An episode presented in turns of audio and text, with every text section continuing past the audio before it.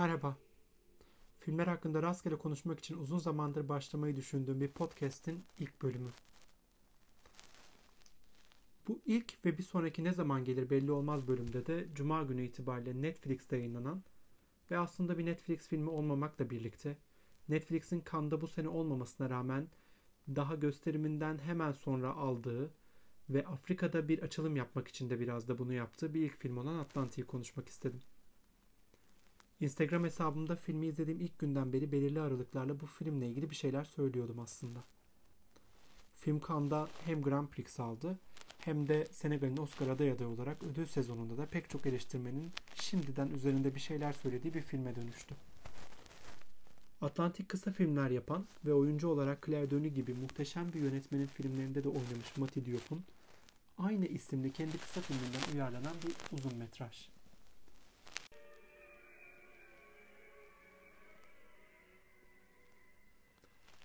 Film aslında ilk izlemede kendi değerini bulamayan, üzerinde düşündükçe ve yeniden izledikçe açılan bir film. Bu nedenle Netflix'te yayınlandıktan hemen sonra yeniden izledim ve yeni bir takım şeyler keşfedebildim diyebilirim.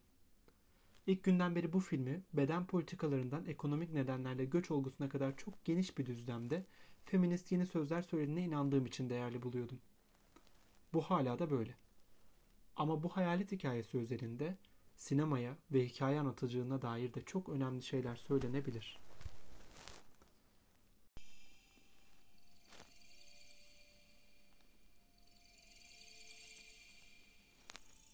Atlantik'in açılış imgesi Dakar'dan bir görüntü. Bu görüntüde silik ve sisin ardında gizli bir gökdelen ve karşı tarafında bir inşaat var. Arada bir yerlerde de işçiler görüyoruz. Buna anonim bir açılış diyemeyeceğimizi düşünüyorum. Bu hikayenin bu coğrafya ile ve bu coğrafyada işçilik hakkında söyleyeceği çok şey var. O nedenle Mati Diop filmi bu imgeyle açıyor ve filmin her şeyden önce ekonomi ve işçi sınıfı ile ilgili olduğunun altını çiziyor. Film çok farklı yerlere uğrayacak ama temel çatışmasını ekonomik adaletsizlikler karşısında kendine bir yer bulmaya çalışan karakterlerinin otoriteyle, sömürgeci güç sahipleriyle olan ilişkisi üzerine kuracak. Bu anlamda bu açılış imgesi oldukça önemli ve filmi henüz izlemediyseniz bu bakış açısının size filmi en azından benim okuduğum yerden görmek için yeterli done verebileceğine inanıyorum. Film ilerledikçe modern yapılaşmanın üzerinde emeği olan işçi sınıfının yaşadığı coğrafya ve uğradığı ekonomik haksızlıklarla ilgili her şeyi tüm netliğiyle gösteren bir görüntü yönetimi tercihiyle devam ediyor.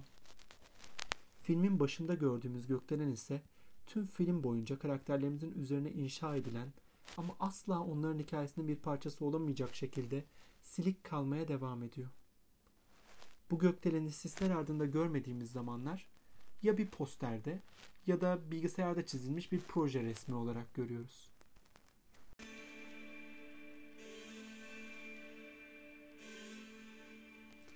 Bu açılıştan hemen sonra filmin kendisini kurduğu yerde uzun uzun Atlantik Okyanusu'nu ve dalgaları izliyoruz. Su bu filmin en önemli metaforu, itici gücü ve hatta hikayenin dönüştürücüsü. Karakterlerine başka bir şey olabilme ve başka bir gelecek yaratabilme imkanı sunan, tüm olasılıkları boğan ama yine de varlığını hep devam ettiren, kocaman balıklar tutabileceğiniz ya da bunu yaptığınızı sanarken ağınıza bir insan cesedi de musallat olabilen, yasınızı tutarken yanında yürüyebileceğiniz, oldukça yeni olasılıkların hep mevcut olduğunu hatırlatan engin bir güç. Atlantik ismi film açısından rastgele bir tercih değil. Suyun bu güçte kullanımı Atlantik'i özel bir deneyim yapan en önemli nedenlerden biri.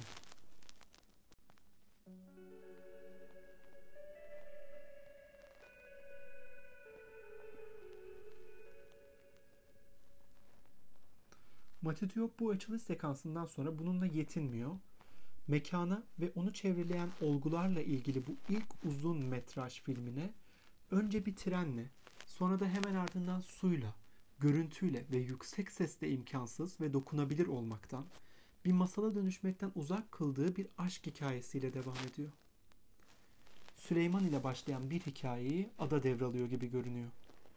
Süleyman'ı seven ama ekonomik nedenlerle ailesinin Omar ile evlendirmek istediği adanın hikayesi aslına bakarsanız Süleyman'ın hikayesinden çok da farklı değil ve filmin gittiği yer itibariyle bu hikayelerin birbirleriyle özdeş dahi olduğu söylenebilir.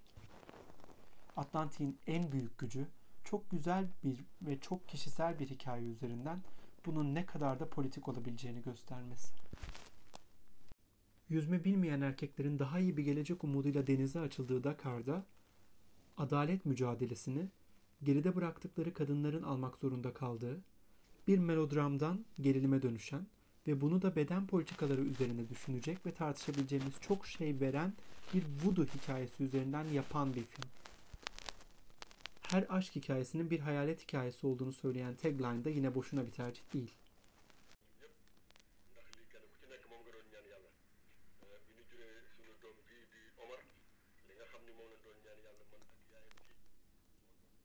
Filmin gizemlerine dair sadece ipuçları vererek yetinmek istiyorum. O nedenle bu ilk bölüm için çok gevezelik yapmış bile olabilirim. Filmin Mati Diop'un sinemanın derinlerine inen bir tünel gibi gördüğü kurgusu, ses kullanımı, suyun her şeye hükmeden sesine eşlik eden etkileyici müzikleri, Atlantik'in yüzeyinde ve göğünde duyguları ve hikayenin evrildiği yeri gösteren büyüleyici sinematografik anları filmin seyir zevkini oldukça yükseltiyor. Filmin özünde kendine yer bulan hayalet hikayesi de oldukça geleneksel. Filmin ilk imgesindeki gibi aslında bu filmin Senegal ile belki de daha geniş bir coğrafya olarak Afrika ile ilgili olduğunu hatırlatıyor. Bugünün Afrika'sının işçi sınıfının kendi geleceklerini tayin etme iradesine bir övgü niteliği taşıyan bir kapanış sahnesi ve repliğiyle sona eriyor. Bu sahne kendi gerçekliğini olduğu gibi kabul eden ve hayallerini bu gerçeklik içinde var etmeye çalışan Ada karakterinin gerçekliğinin ne olduğu ile ete kemiğe bürünen bir şekilde kendi bedeninde karşılaşması ve bu yolda aldığı kararlar ile içinde yüzdüğünün bir su olduğunun farkına varmasıyla eksiksiz ve hümanist bir şekilde tamamlanıyor. Umarım Atlanta'yı izlersiniz ve en az benim aldığım kadar keyif alırsınız. Şimdiden iyi seyirler.